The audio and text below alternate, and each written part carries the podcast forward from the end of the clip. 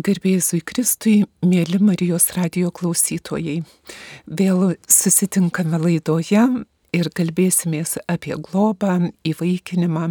Šiandieną svečiuose studijoje turime Soto organizacijos darbuotojus ir noriu pasveikinti visus. Tai Soto direktorius Martinas Palionis. Sveiki jo pagalbininkė, darbuotoja Lina Pazikaitė.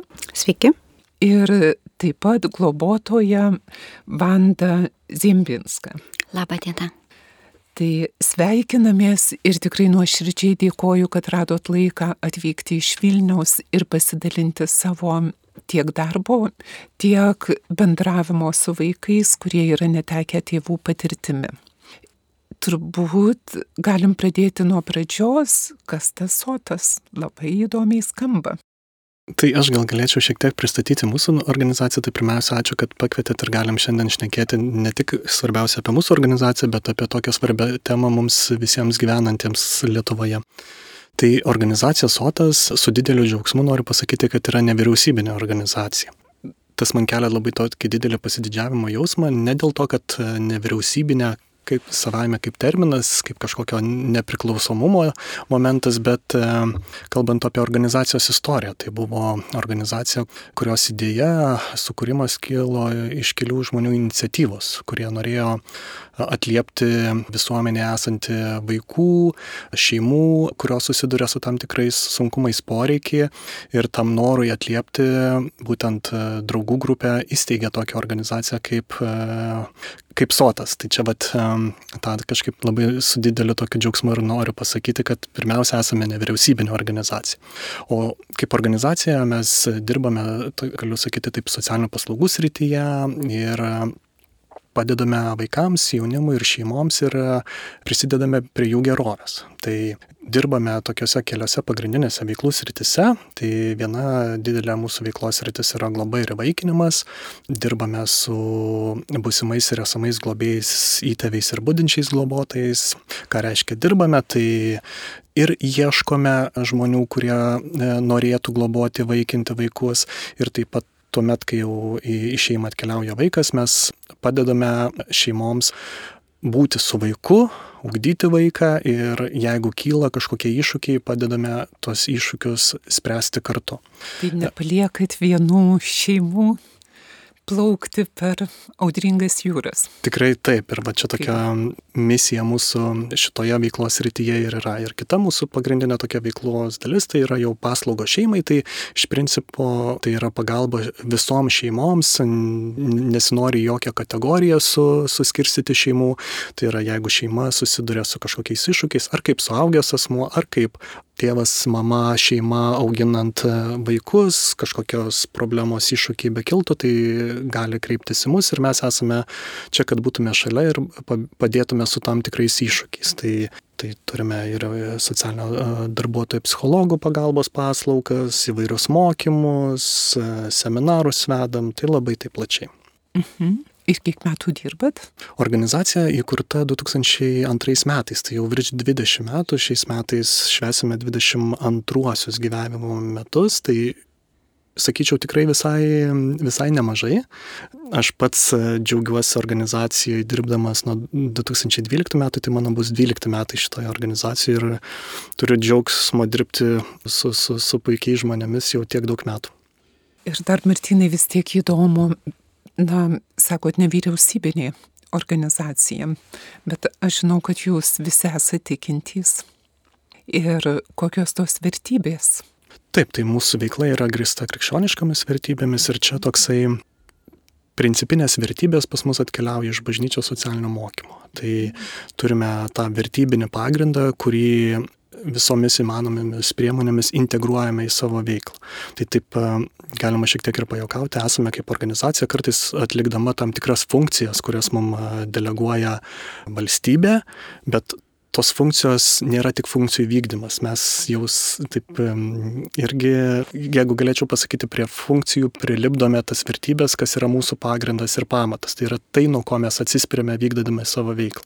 Kasdien atydami į darbą ne tik galvojame apie funkciją, kokią turime padaryti, bet e, atspirties taškas būtent yra tas vertybinis pagrindas, kuris atkeliauja iš e, bažnyčios socialinio mokymo. Būtų taip įdomu pasikapstyti, kaip ten veikia, nu, vat, kaip atsirado ta jūsų organizacija ir aišku, tada daugiau sustotume prie istorijos, bet gal labiau rūpėtų fokusuotis į vaikų globą ir įvaikinimą. Šiandien mes žinom, kad na, vis tiek tie skaičiai nemaži, pranoksta kelis tūkstančius, nežiūrint to, kad na, ir valstybės pastangos, ir manau, ir bažnyčios, ir vat, nevyriausybinių organizacijų yra milžiniškų nu, vienaip žiūrint taip, kita vertus, kiekvieno vaiko kančia ir likimas be tėvų, be šeimos yra baisi tragedija. Ir mes turbūt matom, kokie vaisiai yra nu, va, šeimos netekimo.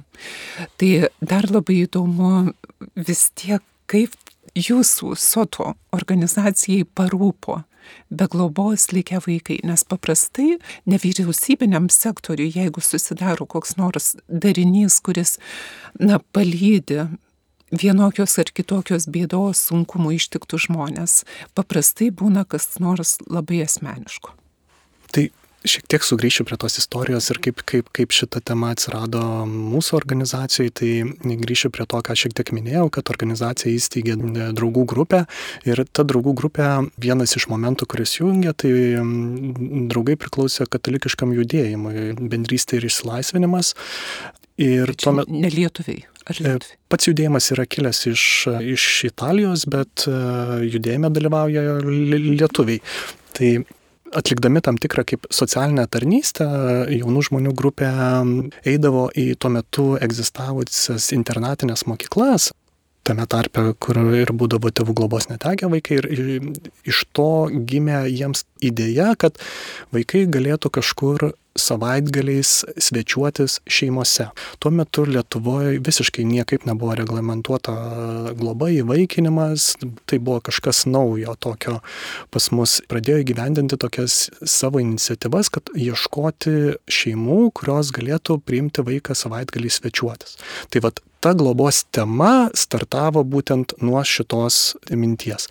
Po to tas vystėsi, įgyvendinome projektus, kūrėme savo tokias pasakysiu programas, kad mes jau šeimos, kurios norėtų globoti vaikus, tai įgytų kažkokių įgūdžių, gebėjimų, labiau suprastų, ką reiškia vaikas netekęs tėvų globos, inicijavome savo tokius mokymus programas, O po to jau valstybė atsigrėžė į globos temą ir tai patapo tokia nu, aktualia e, nuo 2008 metų, jei neklystų, tema, kai jau buvo labai aiškiai ir teisės aktais reglamentuoti dalykai, kad e, norintis globoti ar įvaikinti vaiką turi dalyvauti mokymuose, turi būti įvertinamas ir tik tada jisai gali tapti globėjų. Tai čia va, tokia yra istorija, nuo ko viskas prasidėjo tokių pirminių. Ypatingai Vilniui. Taip. Nes Kaunas turėjo pastogę ir tas veikė nuo 95, taip mažų projektėlių, kuris išsivystė į gimk programas ir, taip, taip, taip. ir į tėvų globėjų parengimą. Jo, tai kas irgi taip džiugina, atrodo, e, susibūrė žmonių grupė, kuriems tikrai rūpėjo jaunas žmogus, kad tas jaunas žmogus turėtų kažkokį atramos tašką. Būtent e, ko, ko žmogaus patirtyje reikia, turėti kažkokią, kažkokią vietą, kur tu esi reikalingas, kur tu esi vertinamas, tai ta vieta ir buvo sukurta, po to tapo SOTO organizacija, kur tas irgi jaunas žmogus galėjo būti pasikreipti, bet tuo pat metu ir tos iniciatyvos, kurios atsirado, va, būtent savaitgaliams ieškoti priimančių šeimų, tai nuo to ir startavom. Tada, kai atsirado sotas ir kokios tos programos toliau vyko, labai įdomu ir jau dabar užduosiu tokį dvigubą klausimą, gal ir linai, reikia žinių, neužtenka žinių, reikia palaikymo ir iš tikrųjų, na, šitas rytis reikalauja ypatingai intensyvaus ir susiklausiusio darbo. Žinau, kad jūs priklausot ir forumui krikščioniškajam. Kaip ta mintis, ar čia irgi atrama, atspirtis, žiniom dalinimasis, kuo tai svarbu organizacijai, kuri teikia patarnavimus, paslaugas tiek vaikam, tiek šeimom, kurios prisima globą. Taip, tai labai svarbus momentas, ką paminėjote, kad kai dirbame tokiam organizacijų lygmenyje, tai irgi turėti tokius atramos taškus. Jūsų paminėtas formas, tai krikščioniškų socialinių iniciatyvų formas, organizacijas tokia vienijanti grupė, tai yra vertybinių pagrindų paremtas tam tikras susivienijimas, ne, vėl mes kalbame apie bažnyčios socialinį mokymą, tai yra organizacijos, kurios, kurios sąlyčio taškus atranda per tai ir tai yra palaikymas būtent per tą vertybinę dalį, yra labai tokio bendrumo, bendrystės tame atsiranda. Kiekvieną dieną dirbdami savo kasdienį darbą susidurėm su įvairiais iššūkiais, su įvairiomis dilemomis ir Man asmeniškai pirmiausia tai yra kaip atramos taškas nepamesti dalykų. Tai yra susitikrinti dalykus, tai yra kartais kelti ir nepatogius klausimus, bet būtent tokiam bendraminčių būrie tai yra erdvė, kur tu pirmiausia tai yra randi kažkokią paramą ir atramą. Tai būtent... Ir yra saugu turbūt klausti ir abejoti. Taip, tai man atrodo, va, tas... etiniai klausimai labai Tai čia va tam tokiam organizacijų ligmenį ir čia, va, kai mes kalbame apie krikščionišką socialinių iniciatyvų formą, tai ne tik rūpimos temos yra globa ir vaikinimas, bet kaip ir, ir, ir visos kitos temos dominuoja, kuriuose mūsų organizacija yra. Tai Lina, gal dar pačios noriu paklausti, veiklos kokios, va tai, ką Martinas papasakojo, o jūsų kasdienybė soto organizacijoje? Mano kasdienybė soto organizacijoje prasidėjo labai seniai. Iš tikrųjų, organizacijoje dalyvauju nuo pat, e, dalyvauju, dirbu nuo pat e, beveik pradžios, nuo jos ištakų, nuo, nuo tada, kai jinai kūrėsi. Kai klausau Martino, ką pasakoja, man mintis tokia atėjo, kad galvoju, iš tiesų galima klausti, o kam jinai buvo, kodėl jinai buvo įkurta, ar ne, nes aš suprantu, kad buvo tikslas, reikėjo šeimų rasti vaikams, reikėjo projektą rašyti ir taip toliau, bet realiai tai man patinka aspektas, kad gimė iš poreikio. Nu, vat, iš tikrai iš poreikio, kurį matė ar ne kažkas užčiopė žmonėse. Ir aš manau, kad per visą gyvenimo istoriją šitas aspektas išliko svarbus. Dėl to gal padeda nepamesti prasmės, tikslo ir, ir svarstyti tuos etinius, kaip sakot, ar ne klausimus ir atsakyti juos, nes eini kartu su tuo, iš kur kilo poreikis ir tada vat, iš tiesų atsitinka toksai įdomus dalykas, kad visa veikla, nu, kaip atrodo, kaip palydėjimas žmogaus, ar ne? Kažkaip man, man labai patinka šitas aspektas ir manau, kad jisai iš tiesų mumise labai gyvas yra ir mūsų komandoje ir, ir panašiai. Tai žodžiu, kasdienybė ilgametė jau, bet e, konkrečiai e, jau antri metai, kaip koordinuoju ir vadovauju globos centrui. Mes kaip ir atliekam e, patikėtą mums funkciją globos centro ir, ir turim dešimties asmenų komandą, kurie atlieka tas minėtas funkcijas, kurias kartais nesinori funkcijom vadinti iš tiesų, bet taip turim atliepti ir, ir esam pasirinkti kartu su Vilniuje, kartu su kitom penkiom organizacijom, kurios, kurios tą daro. Tai kasdienybė, sakyčiau, kad labai įdomi, nes aš niekada ateidama į darbą nežinau, kokia bus mano diena. Tai gali atsitikti kažkas netikėto ir kartais visai kitaip susidėlioja dalykai, bet kasdienybė vis tiek sukasi apie šeimas, kurios yra prieimusios globoti laikinai, tai būdintis globotojai, apie šeimas, kurios globoja nuolatinai vaikus ar ne, tai nuolatiniai globėjai ar laikini globėjai, kasdienybė yra ir apie bendradarbiavimą su kitomis institucijomis, kurios taip pat dalyvauja labai aktyviai įvairiuose procesuose. Kasdienybė yra su darbuotojais, kurie susitinka savo kelyje su įvairiais iššūkiais arba irgi sprendžia gana sudėtingus ir dileminius klausimus. Kasdienybė yra su vaikais, kurie tuo metu yra turbūt e, pačiam baisiausiam savo gyvenimo momente, ar ne, kai jos paima iš šeimos atveža ir mes turim apgyventinti juos laikinai pas būdinčius globotojus. Tai vad kasdienybė tokia. Ir kiek maždaug vaikų turit arba šeimų, kurios globoja vaikus? Koordinuojam šiuo metu apie 140 globojamų vaikų atvejų, kurie globojami yra nuolatos arba laikinai globėjų šeimose. Ir turim, bendradarbiaujame su dešimt būdinčių globotojų, kurios į savo šeimą gali priimti tuos vaikus, kuriems laikinai reikia saugios stotelės, saugios vietos, kol galbūt išsisprendžia jų šeimos, biologinės šeimos problemos ar iššūkiai ar sunkumai ir jie gali grįžti. Tai va čia ta saugi stotelė, kur jie gali pabūti ir kad jiems nereikėtų atsidurti, pavyzdžiui, institucijoje. Tai, tai jie pabūna šeimoje ir gali prigrįžti į savo šeimą, jeigu ten stebi. O kas dirba su šeima, kada vaikelis yra paimamas? Mhm. Jūsų darbas ar kažkas kitas? Mes kaip apgyvendinam vaiką, tai per vaiką šiek tiek, ar ne, prie to šeimos kiek prisiliečiam, tiek, kiek ta šeima ateina susitikti. Tai mes per susitikimus bendraujam, bet šiaip ne mūsų yra darbas, šiaip darbas su šeima vykdo jau kiti socialiniai darbuotojai, atveju vadybininkai, jie turi visą, visą sistemą iš tiesų, kur, kur juos lydi, kur jiem gelbsti ir iš tiesų didelis laimėjimas būna, kai tu pamatai, kad, kad ir po kažkiek kelių mėnesių, kad ir po pusės metų, kad ir daugiau, kad ir po metų, bet jeigu vaikas nu, vis tiek randa tą galimybę ir atsiranda tą galimybę jam grįžti savo šeimą, tai iš tiesų turbūt nu, didžiausias laimėjimas ir didžiausia džiaugsmas toksai, kad vis dėlto nors žaizda e, buvo atsivėrusi, bet gal kažkaip įvyko stebuklas, taip, ir, ir iš tiesų, iš tiesų pavyko išsispręsti Lietuvoje vis tiek nuvilnyja tokių probleminiai atvejai, kada atrodo nežinom, ar ten reikėjo vaiką paimti, ar valstybė neperžengė savo ribų, ar tiek, kiek galima. Ar galit pasidalinti, kada tikrai vaikam reikalinga alternatyvi globa ir šeimai pagalba, nes būna nesaugu likti šeimoje, arba net ir neįmanoma.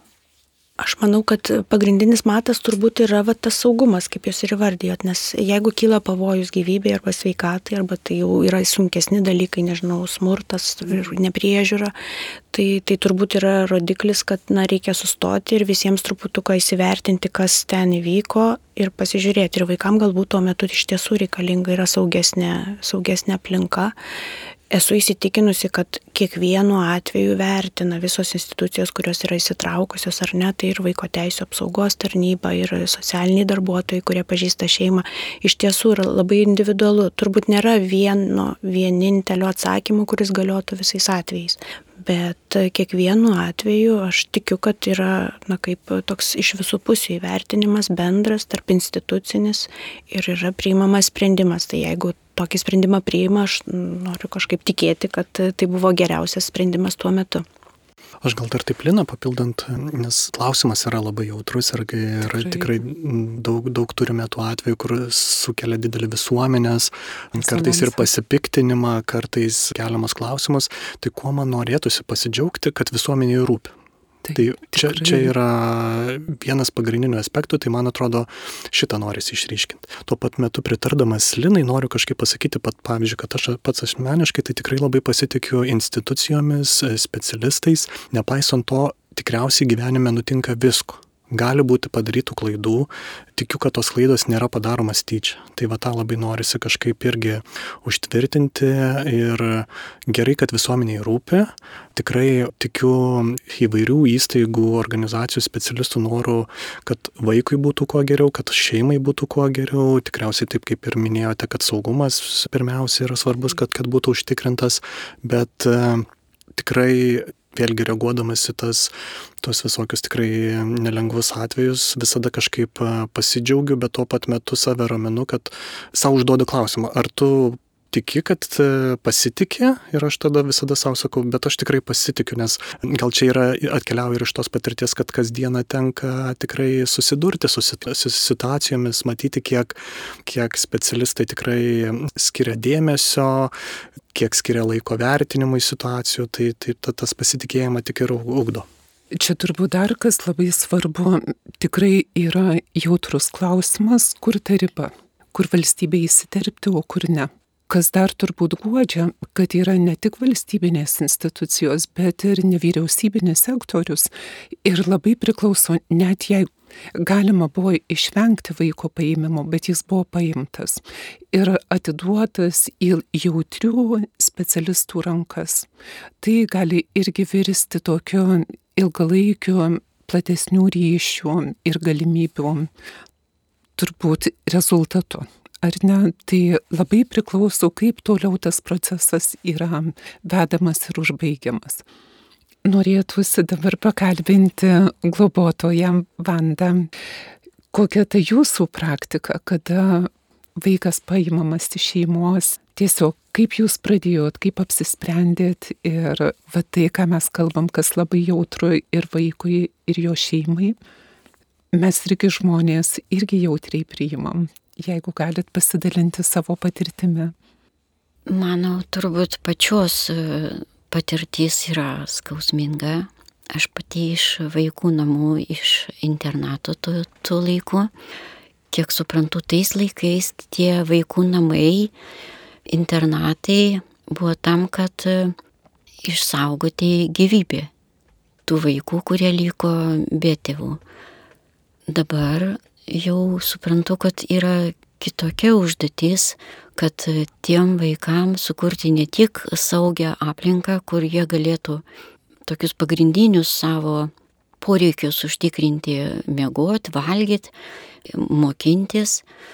Dabar jau žymiai plačiau žiūrima į tai ir kad jie nepatirtų traumų daugiau, kad ir tas traumas kiek įmanoma neutralizuoti arba pagydyti, pagydyti. Ir kad tas vaikas neiškrystų iš kontekstų tos visuomenės, kad jisai liktų joje, kad jam būtų tas, ta šeima, šeimos pojūtis, kad jisai visapusiškai būtų apsaugotas, ne tik fiziškai. Tai gal iš to tai būtų ir mano toks pagrindas, kodėl. Motivacija. Toks jo giluminis poreikis kaip mus tada augindavo ir atsimenu mokytoje, pasakė, yra laikas, kada priėmė pagalbą, o yra laikas ateina, kada reikia atiduoti. Ir dabar tada mokindamasi, eidama tos gimk mokymus, dėl pagalbos savo dukrai, kurie globojo, kad tinkamai prižiūrėti tos vaikus, kurie patyrė traumą, kažkaip priejau prie to, kad vis tik reikia. Reikia ir man daryti tą, tarnauti, daryti tą darbą, dalintis to, ko jau prikaupta, kas įdėta, daug žmonių dalyvauja tame, kad tas vaikas užauktų. Ir kad atiduoti, dalintis to, ką tu turi. Tai ir darau. Ir kiek jau turėjot? Buvo pas mane penkios mergaitės, ir visos juos sėkmingos istorijos turėjo, sugrįžo į šeimą keturis pas tėvelius, kurie turėjo tą laiką atsigauti, susitikrinti, pasitobulinti, priimti atgal savo vaikus. Skaitau, kad labai didelė laimė teko man, kad tie vaikai sugrįžo į tą šeimą savo. Tai labai džiaugiuosi ir labai laiminga kad, nu tai, nežinau, išgyvenau arba pajaučiau, arba buvau su jais kartu, kad mes įveikėm visus tos sunkumus ir sugrįžom. Va, ir iš šito pavyzdžio būtintys globotojai. Taip, aš gal dar, jeigu galiu įsiterpti, man ko norisi pasidžiaugti, bet tuo, kad Vanda ir aš mūsų organizacijoje, tai kokį skirtinumą turi, tai vad, kad e, prižiūri vyresnio amžiaus vaikus. Tai tą kažkaip labai norisi suakcentuoti, nes Lietuvoje mes turime tą problemą, kad e, vyresni vaikai, kurie pirmiausia, kurie netenka tėvų globos, neturime tiek daug tų būdinčių globotojų, kurie galėtų ir norėtų, sutiktų laikinai prižiūrėti vyresnius vaikus. Tai vad džiaugiamės turėdami Vandą, kuri sutinka, nori ir puikiai geba tą daryti. Tuo pat metu pasinaudosiu galbūt irgi klausytojus supažintinti arba gal priminti tą situaciją, kad globos institucijose mes turime virš tūkstančio vaikų šiuo metu, kurie, kurie yra netekę tėvų globos, bet a, virš 80 procentų tų vaikų yra vyresni negu 10 metų amžiaus. Tai vad, kad tą bendrą kontekstą įsivaizduotume, kad būtent labai trūksta globėjų, kurie norėtų tuos vyresnius vaikus globoti. Ir dažnai yra apipintam na, mitais arba kaip čia pasakyti, gandais, kurie nuaidi ir tada išgarsėja labiau negu iš tikrųjų toj kasdienybėje vyksta. Tie vyresni vaikai ar tikrai yra didelis sunkumas? Kaip suprantu, paauglystė šiaip periodas toksai sunkus yra, kad ir savo vaikų arba vat anūkų man jau, tai tikrai iššūkis matyti kaip periodas, kaip ir gimus yra savotiškai nepriimti gimusi vaiką, išmokti gyventi su juo, kai tu buvai visai pats savo vienas. Tai čia tiesiog eilinis etapas gyvenime, kurį reikia praeiti. Nu, o su trauma patyrinčiais vaikais kažkiek aišku sunkiau, arba reikia daugiau pagalbos jam visapusiškos. Tai tada ir specialistų pagalba, ir va tai, ką mes turime centre, soto globos centre, specialistų, kuriais galima kreiptis ir tada tu neįsi vienas. Žymiai lengviau yra tada ir suprasti, kas vyksta, ir kokios pagalbos čia daugiau reikia, arba dėmesio, laiko, skirti prioritėtų sustatyti aišku, mokymai, tu mokinėsi, tobulėji visais tais klausimais ir tada pavyksta įveikti tos sunkumus. Aš gal papildyti, Vanda, galėčiau. Gajus labai mitas, kaip sakėt, mitų daug. Labai gajus mitas, kuris iš tiesų išgazdina žmonės, tai kad nepavyks užmėgsti ryšio su vyresniu vaiku. Tai tiek globoti pasiryžusios šeimos ar būdinčio globotojo veiklą vykdyti pasiryžusios e, šeimos iš tiesų, na kaip e, sprendžia šitą klausimą ir dažnai išsigasta. Bet e, iš tiesų galim sakyti, kad turim daug pavyzdžių, kaip tam etap visiškai paneigiančių pavyzdžių, dėl to, kad turbūt ryšio mesgymas su vaiku ne, ne, ne visai nuo amžiaus priklauso. Toks galėtų būti iš tiesų, na, kaip gal iššūkių daugiau, gal tai laikotarpis kažkoks ar ne, kaip Vanda sako, tiesiog paauglystė, bet to vaikai būna kartais išgyvenę tiek daug skausmo, kiek gal mes nesam išgyvenę per visą savo gyvenimą. Tai iš tiesų jam įveikti ir su bent dalimi savo skausmo susitaikyti yra labai didelis iššūkis. Tai aš įsivaizduoju, kad šalia esantiems žmonėms yra sunku, bet dar sunkiau tam vaikui. Tai vat, aš patvirtinimą turiu savo, kad e, ryšio mesgymas tikrai ne, nepriklauso nuo to, ar vaikas yra vyresnis. Ir turbūt graža yra kitokia. Nežinau, gal Vanda plačiau papildys mane, bet e, iš tiesų grįžtamasis ryšys iš to vaiko arba kažkoks minimalus rezultatas, tai yra iš tiesų įveiktas Everestas. Tai, ką Lina paminėjot, turbūt yra svarbu, čia jūs abi su Vanda apie tai kalbat, kad tiek vaiko amžius, tiek vaiko patirtis. Kuo daugiau patirtas skausmo, kuris dažnai pranoksta mūsų suaugusių patirtis ir net sunkus na, įsivaizduot, ką vaikui teko patirti. Ir tada, kai aš ateinu į aplinką, kuri yra saugi, bet vis tiek nepasitikiu nes nežinau, kas manęs kitą akimirką lauks. Ar mane mylės, ar tai yra vaidyba, apsimetimas, nes jeigu vaikams, sakykime, tėvai sako, kad myli ir tą pat akimirką prisigeria, ar ne, ar um, smurtauja, sproksta, tai jų patirtys yra tikrai nenusakomos. Ir tada reikalinga ir profesionalios žinios, ir vis tiek įdomu, Vanda, kaip jūs trapi moteris, atrodo, priimat vaiką į savo namus su tomis nu, bagažu, kuris irgi ir skausmingas ir gali pranokti mūsų. Bet kokias žinias, kaip jūs atlaikoti ir kas jums padeda? Dažnai tas e, tikrai ir yra, kad e, jiegi gebėjimas priimti nesmeniškai, tikrai tai yra skausmas ir tas skausmas ir kalba jų elgesys tai yra atspindys to skausmo, tų išgyvenimų ir matyti, jie net nesuvokia, ką jie daro tuo metu. Tiesiog, nu, kaip darosi, taip darosi. Arba e, neištveria kažko, ne, negeba kažko, negali kažko. Matyti, vat, vis tik priimti taip, kaip yra ir iš patirties mano, kad va tas prieimas jiem ir yra tas pats geriausias vaistas kad koks būtų nebūtum, kaip tu nesielgtum, tiesiog jeigu tai priemi, Tai reiškia, jam tai yra meilė.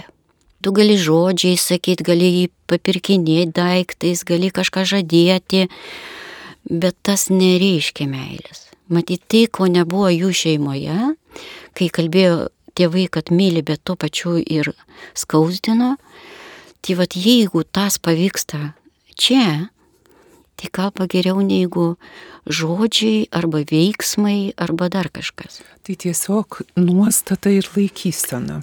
Jo, iš, išla, išsilaikyti jo, tai nesurezonuoti, nei priimti asmeniškai, kad tai yra tau. Ne, čia jos skausmas ir čia jas, jisai jo jame. Ir kai tu gali būti su tuo, jisai ir atpalaiduoja, atsipalaiduoja. O kas jums teikia tą gyvenimo tokią išmintį? Nu va čia tai jau visi kartu, čia jau vienas negali, nu, negali prieiti. Tada tiesiog tau skauda, kaip jam skauda ir tu tada susirezonuoji ir tada jau negebi išlipti iš to. Nes labai dažnai globėjai, įtėviai, jie turi tokią gerą valią ir tiek pastangų ir jiem atrodo, vad paėmiau vaikelį, aš jau taip mylėsiu, įveiksiu visas kliūtis. Ir tada, kai pamato, ką bedarau, galiu ant ausies atsistot, bet vis tiek neveikia. Atsiranda ir gėda, ir kaltė, ir noras užsidaryti nuo visų, nes, nu tikrai gėda prisipažinti, kad neturiu tiek išminties, kad paspaudžiau mygtuką ir viskas vyksta. Ir kai užsiveri, nebegauni pagalbos, o iš tikrųjų, ką reikia daryti. Tai aš kažkaip labai mm, girdžiu tai, ką sakote ir vat, vėlgi per tą tokią kelių metų patirtį iš tiesų labai matau tokias pozityves tendencijas, ką anksčiau labai, nu, tikrai taip ir kultūriškai tikrai tokio vyravo, kad patys galim įsispręsti, mūsų problemos, mūsų atsakomybė, tai tas toksai kinta visuomenėje pagalbos prieimimo momentas. Ir tą labai pastebime ir, ir globos centre, kad globėjai tampa atviresni. Čia gal tokio ir mm, sistemiškumo, kai atsirado tos labai aiškios paslaugos, reikėjo prie to priprasti globėjams, kad tokie dalykai yra pažinti, tai pirmiausia, žmogiškam ligmenyje pažinti, man atrodo, žmonės, kurie ateina ir e, siūlo, siūlo pagalbą ir, ir kviečia ją priimti, kai tas santykis susimesga, tai tos labai tikrai norisi džiaugti e, tuo kismu, kuris, kuris vyksta būtent pagalbos prieimimo dalyje. Visada galime turėti ambiciją dar didesnę, kad kuo daugiau e, būtų šeimų atviresnių ir, ir kurios pasikreiptų, bet bendrai tai tikrai noriu tą labai užtvirtinti, kad tikrai kismas yra. Man nuskambėjo tas jūsų sakinys, kad e, kai kažkas sunkumai iškyla arba kas nors nesiseka ar ne, norisi užsidaryti, nes atrodo, kad tu kažko negebi, tu kažkoks nevertas, ar ne, tu kažkokio neiš, neišpildai, nerealizavai to, ko ėmėsi, o galvoju, o iš tiesų viskas atvirkščiai. Jeigu tik tu nelieki vienas, tai va tada ir atsiveria tas kelias. Ar tu nelieki vienas ir su specialistais kartu galėjai eiti kažkurį etapą, ar ne? Ar tu nelieki vienas ir turi keletą šeimų, su kurios išgyvena panašią patirtį ir su kuriuom gali dalintis, taip, tai tos savitarpio parama tokia, kuri iš tiesų gal mūsų visuomenį nėra labai primtina ir nelabai ją pasinaudoja, bet iš tiesų tai yra galinga jėga todėl kad e, visų pirma normalizuoja tavo situaciją, tu visai kitom akim pradedi žiūrėti ir, ir į save, ir į savo vaiką, ir į savo gyvenimą, ir į savo pasiektus jau dalykus, kurių tuo metu tikriausiai jau nebematai, padeda išeiti iš užburto rato, susidariusio ar ne tokių sunkumų, pusunkumų. Ir iš tiesų pritariu Martinui, kad e, keičiasi situacija ir pokytis yra labai ryškus ir žmonės jau atviriau priima pagalbą, negu tai galbūt buvo senesniais metais bet vis tiek dar tokio uždarumo, aš manau, gal ir mes tokie kaip visuomenė, mes tokie labiau uždarė esam žmonės, tai gal nėra taip spontaniška, kad man iškilo sunkumas ir aš ieškau kažkur. Dažniau būna taip, kad aš turiu įveikti ir tas e, galbūt iš tiesų žmogui kartais užtenka pasakyti, kad žiūrėk, va, tu pakalbėk su va, šituo kitu asmeniu ir pamatysi, kaip viskas keičiasi. O pavyzdžiui, Vanda, jums kas teikia stiprybę konkrečiai jum, kai gaunate vaiką, ir žinot, kad tai bus laikinai, jūs atiduodat visą meilę, kas jum pačiai padeda? Nu, sunkumai tai vienareikšmiškai, kad tu ne vienas. Vis tiek yra globos centras, yra specialistai, yra tikrai sunku akimirkų, kai tu, nu, negebėčiau aš visų frontų atlaikyti. Ar tai su tėvais biologiniais, ar tai ten sveikatos problemos, ar tai kokių įgūdžių nebuvimas.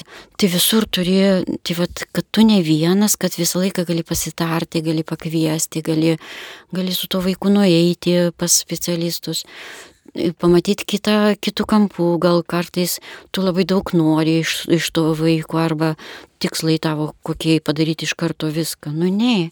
Tai vad tas ir pasižiūrėti iš visų pusių ir įvertinti ir pasidžiaugti, kad ir mažom kokiom pasiekmė, pasiektais dalykais tas. Ir tada, aišku, vaiko, vaiko pačio savijauta, įveikimas kažkokiu sunkumu arba išmokymas kažko tai, ko nemokėjo, arba pačių savimi pasidžiaugti, vaikas išmoksta, kad savo savivertė paaugo, dėl to, kad jisai dabar geba ten pamokas atlikti, arba kažką savarankiškai išmoko, ko gyvenime ne, nedarė, arba kažką patyrė naujo ir dėl to džiaugiasi. Tai matai, kad galimybė suteikti tam vaikui kitokį požiūrį arba kitokį gyvėjimą arba kitokį patyrimą, nu tai labai džiugu, kad jisai visą tai gali dabar turėti, galėti, mokėti. O gal kada gyvenime prireiks.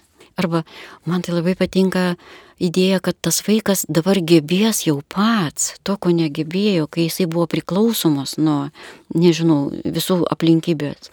Tai dabar jisai galės gyvenime pats daug ką padaryti. Visos vaiko patirtys ir tos blogosios ir na, iššūkiai ir galiausiai iššūkis yra net gyventi gerose sąlygose, kad ir laikinai, bet tarsi tiesia kelią jo atsparumui. Jis gauna daugiau įrankių savo gyvenimo krepšelyje, panaudoti visą, ką turėjo tolesniam ateities keliui.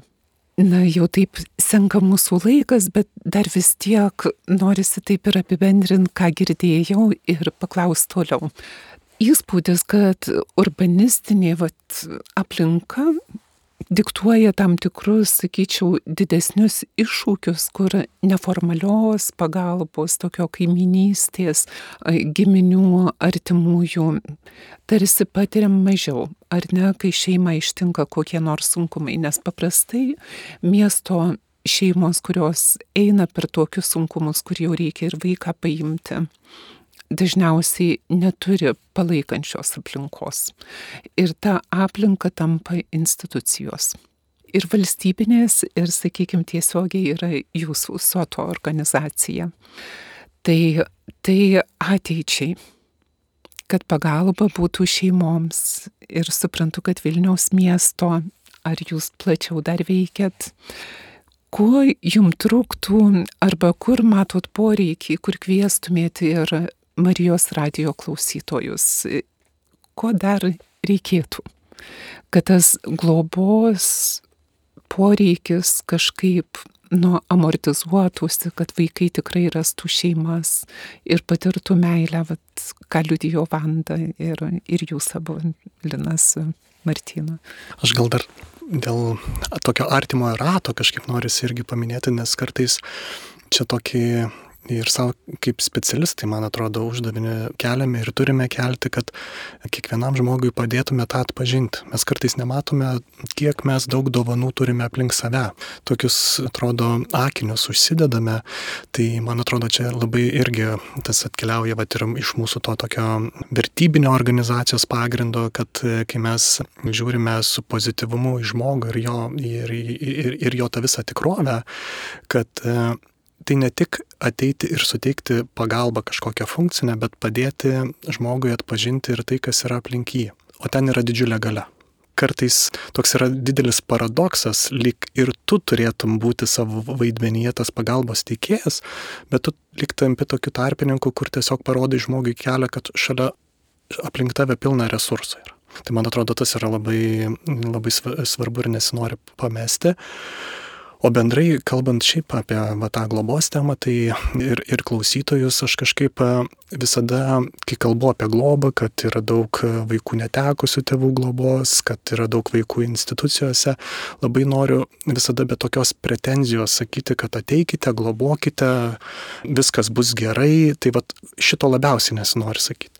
Man visada tik tai taip kviečiu, kviečiu visus aplinkinius pirmiausia taip pasidomėti, kas tai yra, pirmiausia kelti savo klausimus, jeigu aš turiu kažkokią vat, įsivaizdavimą, kuris mane galbūt šiek tiek gazdina, pažiūrėti, ar tai nėra kažkaip e, mistifikuota.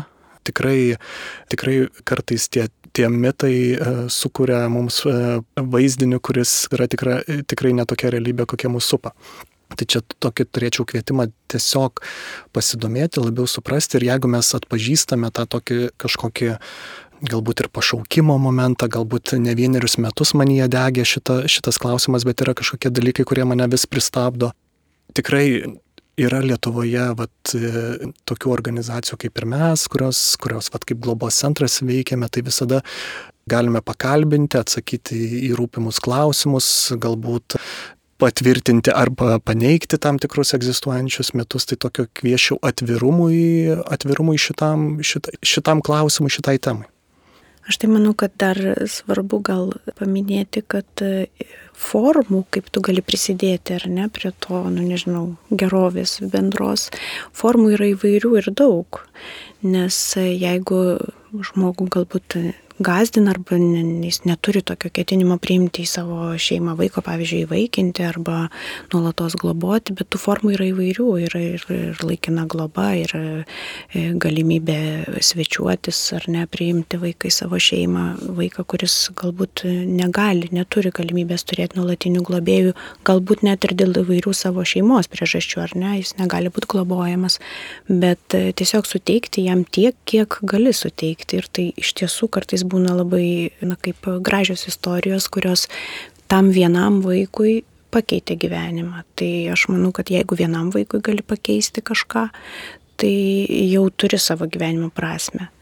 Rasti būdą išsklaidyti savo baimės ir suprasti iš tiesų, kaip tu gali, jei tave domina bendra mūsų visų gerovė, tai vad kaip, kaip tu gali tame būti, ką tu gali daryti, o gal tu jau ir darai, tik tai vad savo įsivardinti, gal padėti. Ačiū, Lina. O aš tai gal kvieščiau drąsiau eiti į patirtį, dalintis e, savo gebėjimais, gal kartais pats nepasitikė, tai mokymus, kai praeini, gali pasitikrinti, kurioje sferoje ir ką, bet vis tik eiti į tai, gyventi kartu su, su vaikais, dalintis su jais, padėti jiems ir tas pripildo ir mus. Tai reiškia mane ir mano gyvenimas pilnas, pilnas nu visko. Tiesiog tu nesijauti, tikrai jautiesi kartais sunku, kartais laimė, kartais nu visko jisai toks nu švyčiantis. Ir tu pats prasiturtini tuo, nu negali gauti kitur to, net savo vaikai, tai yra didžiulė laimė, bet patirtis su vaikais e, patyrusiais vat, tą skausmą, nu dar jinai kitokia visai. Tai netgi tie, kurie turi vaikus, vis tik reikia eiti. Čia gera patirtis ir, ir širdėje vis tiek lieka visi tie vaikai. Mums, kurie esame tikintys vat, su krikščionišku bagažu, kažkaip turbūt, na vis tiek būtų kvietimas drįskime. Jeigu negalim paimti ir globoti na, ilgalaikiai ar ten tam tikrą laiko tarpą, taip kaip Lina ir jūs minėjot, galima yra įvairių formų užmėgsti santykiai. Galbūt tai globėjų šeimai vieną kartą išvirti pietus. Aš pamenu vieną šeimą, kurie per motinos dieną Įsivaizduojat, nu tai yra šeima, turi savo vaikus tris ir galėtų švesti vieni mamos dieną. Jie pasikviečia globojamus vaikus ir globėja. Ir visas stalo pietų dėmesys yra jų svečiams. Ir turbūt tam na, globojančiam žmogui tai yra viena didžiausių dovanų. Dėmesys, atjauta, palaikymas. Turim šeimą, kuri patapo seneliais. Ir kartą per mėnesį pasikviečia svečiuotis mergaitės, kurios nežino nei tėvo, nei motinos kategorijų, o jų senelių tai tuo labiau. Ir štai atranda mylinčius ir reiklius, bet nu tikrai mielus žmonės. Krikštatėviai. Galiausiai malda vieni už kitus. Tai tie mūsų ryšiai, jie yra kuo tankesni, tuo sveikesnė visuomenė. Bičiulystė, draugystė, dalymasis ir kuo daugiau mainų, tuo mes esam turtingesni. Ir dvasinė prasme, ir turbūt visom kitom, ir materialia. Noriu visiems labai padėkoti ir priminti klausytojams, kad šiandieną laidoje svečiavosi Soto organizacijos darbuotojai direktorius Martinas Palionis, darbuotoja Lina Pazikaitė ir globotoja Vanda Zimbinska. Laidą vedžiau aš, sesuo Daiva Kuzmetskaitė. Tikrai nuoširdžiai dėkoju Jums už pasidalinimą. Palydėsim Jūs maldą ir linkim geriausios sėkmės, kad Lietuvoje globa įvaikinimas būtų pagalba šeimoms ir pagalba mūsų visuomeniai ir kad vaikus visi mylėtume. Ačiū Jums ir iki kitų kartų. Su Dievu. Ačiū. Ačiū.